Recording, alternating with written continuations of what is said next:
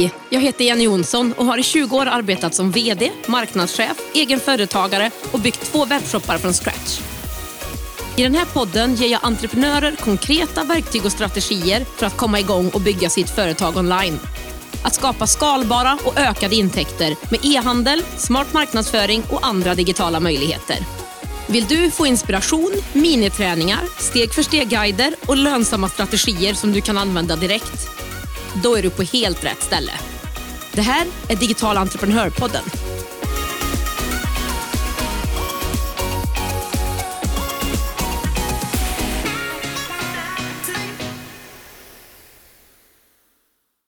Du ska, precis som vanligt, känna dig galet välkommen till den här podden. Idag ska vi prata om någonting kul, nämligen om att välja namn till sin webbshop. Ditt webbshopsnamn är fasaden utåt för din e-handel. Rätt namn är en värdefull tillgång för ditt företag. Det skiljer sig inte bara från alla andra företag när dina kunder söker på nätet. Det framhäver även din varumärkespersonlighet. Att välja namn är ett viktigt beslut att ta och det är inte alltid helt enkelt. Jag tror att du kan känna igen dig i den här känslan av att fastna i den här processen. Att det kanske känns som att alla namn redan finns och att det känns också som att du faktiskt aldrig ska komma på någonting bra. Det är inte konstigt att du känner så här, men jag lovar dig att det löser sig om du jobbar på och njuter lite av processen också. Det här är ju kul, eller hur? Så i det här avsnittet tänkte jag ge dig lite tips som du ska tänka på när du väljer in webbshops eller ja, ditt företags namn. Så vi kör väl igång, eller vad säger du? Nummer ett. Du vill ju att namnet du väljer ska vara enkelt, lätt att stava till och inte för långt. Ett namn som känns som två meningar eller är krångligt att säga och stava till, det är inte helt lyckat, eller hur? Då finns ju risken att dina potentiella kunder aldrig kommer ihåg namnet på din shop och när de är redo för att göra sitt köp så kommer de inte ihåg, hittar inte dig och de väljer en annan konkurrent istället. Och är namnet för långt eller för krångligt att stava är också risken mycket, mycket större att kunderna slår in fel namn i webbläsaren och inte hittar dig. Så det här är absolut en sak att tänka på när du väljer ditt namn. En annan sak du också vill undvika det är att namnet redan finns eller är för likt någon annans. Att vara för lika någon annan förvirrar bara din kund och det är lätt att kunden hamnar fel. Du vill ju heller inte såklart ha ett helt lika namn med någon annan. Dels för att det faktiskt inte är lagligt utan att du är inne och nyttjar någon annans varumärke som troligtvis inte alls vill det och inte du heller. Men det är även så att kunderna kan ju då hamna hos någon annan när de söker på dig, eller hur? Det kan även vara så att ett företag eller en webbshop med ett namn som är väldigt likt ditt eget tilltänkta namn har en verksamhet som du kanske inte alls står för eller inte alls vill ska kunna förväxlas med din på något sätt. Här tycker jag att du ska börja med att googla och se vad som finns. Det kommer du långt på och ganska snabbt brukar man kunna utesluta namn på det här sättet. Ytterligare en sak jag tycker att du ska tänka på när det gäller namnet du väljer det är att direkt från starten fundera på om du kommer vilja sälja till andra länder än Sverige. Vill du nå ut på andra marknader, nu eller framåt, behöver du redan nu ta höjd för ett namn som fungerar även utanför Sverige. I det här fallet kanske inte ett svenskt ord eller namn är helt rätt. Inte heller bokstäverna Å, Ä, Ö till exempel. Kanske ska du redan från starten se till exempel på engelska ord. Jag vill med det här som sagt att du tänker på det här direkt från starten. Det blir så mycket enklare då om du vill ut på andra marknader. Digital entreprenörpodden görs i samarbete med Ebbecart, en av Sveriges största e-handelsplattformar. Ebbecart vill ge alla möjlighet att starta och driva en grym webbshop och är den plattform jag själv använder och rekommenderar för dig som vill starta din e-handelsresa. På ebbecart.se kan du testa, bygga och till och med börja sälja i din e-handel under 30 dagar innan det kostar en enda krona. Kom igång direkt på ebbicart.se.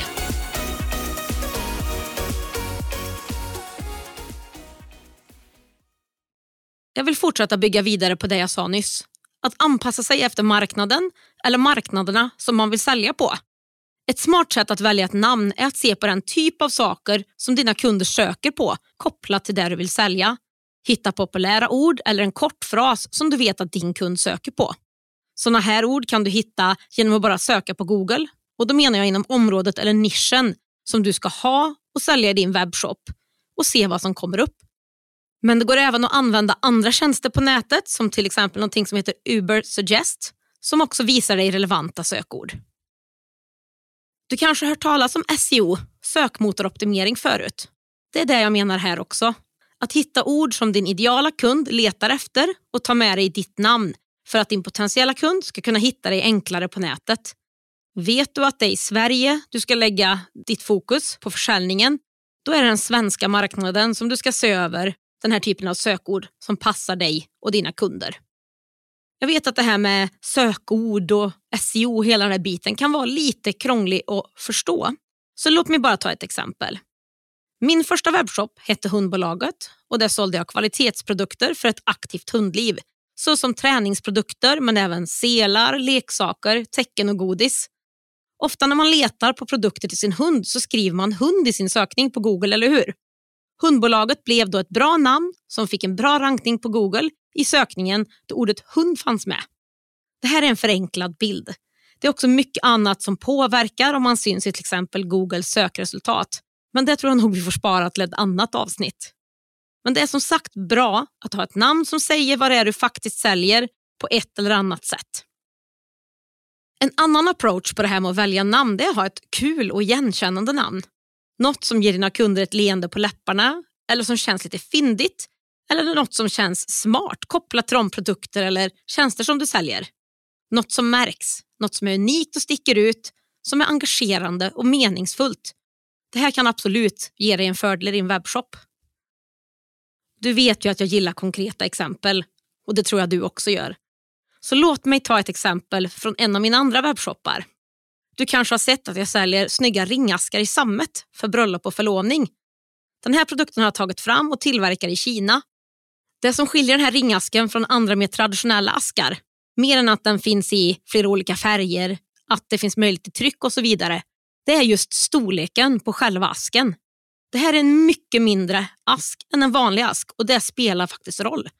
Det gör att ringen i asken ser mycket snyggare ut och framförallt större. Och det kan inte skada, eller hur? Anledningen till att jag berättar det här är för att det här är en av de sakerna som jag byggde vidare på på ett lite kul sätt när jag namnsätter den här webbshoppen och de här produkterna. Så även om jag äger domänen ringask.se också så valde jag namnet Rock in my box. Kollar du på Instagram är det här en populär hashtag för att visa sin snygga ring i en ringask. Alltså en stor rock, alltså en ring med en sten i, i sin ask. Rock in my box. Det är ett lite fyndigt namn som är kul att bygga ringaskarnas varumärke kring och det sticker ut. Digital entreprenörpodden görs i samarbete med Payson. Betallösningen som hjälper dig som företagare att säkert ta betalt på nätet. Oavsett om du är nystartad eller har varit igång ett tag. Efter att själv ha testat andra betallösningar vet jag att Payson är ett givet val för mig för min nästa webbshop. Jag är igång med min försäljning inom 24 timmar och jag får personlig hjälp och en partner som bryr sig om och vill boosta mig och min e-handelsresa. Det är gratis att öppna ett konto på payson.se. Det finns inga fasta kostnader eller startavgifter och dina kunder kan själva välja det betalsätt som passar dem bäst i din kassa. Läs mer och kom igång direkt på payson.se.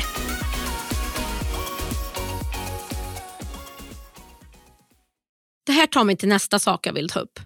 När du kommer på ett namn som du gillar är det verkligen viktigt att du kollar så att namnet finns ledigt som sociala mediekonton. Så att du kan få ett kontonamn som matchar din webbshop. För idag är nästan sociala medier ett måste att finnas på som webbshopsägare. Och tänk på att registrera dig på de flesta plattformarna, även om du kanske inte kommer igång med dem direkt. Oavsett om det är nu eller längre fram så är det bra att du äger namnet på samtliga plattformar. Ser man på mina förra exempel med Rock in my box och Humbolaget så fanns båda lediga där. Check på den. Det du absolut också måste kolla upp det är att domänen för det namn du vill ha finns ledigt och inte är upptagen av någon annan.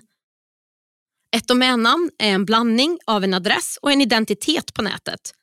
Domännamnet är det du skriver in i din webbläsare för att komma till webbplatsen du vill besöka. På en sida som heter internetstiftelsen.se kan du se vilka domännamn som är lediga och vart du kan köpa den här domänen om det är så att du hittar rätt namn och det är ledigt.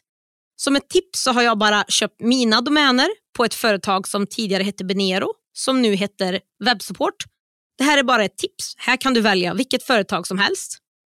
En domän kostar ungefär ett par hundra kronor per år och så ofta som det bara går så köper jag både domänen med .se på slutet och .com. Ett tips är att köpa domänen innan du registrerar ett nytt företag också så att du vet att adressen finns ledig och att du inte får en tråkig överraskning sen efter du har bestämt ditt företagsnamn. En sak till. Det finns även namngeneratorer som du kan använda på nätet som hjälper dig att komma på med förslag. Till exempel Namelix och Business Name Generator. Googla på namngeneratorer så hittar du ett gäng olika du kan testa. Mitt sista tips för den här gången när det gäller att hitta ett bra namn på sin webbshop det är att vara medveten om att det här kan vara en process som ofta tar lite tid. Ibland kan det bara vara så att namnet kommer till en eller att man vet redan från början vad det är. Men ofta så tar det lite tid.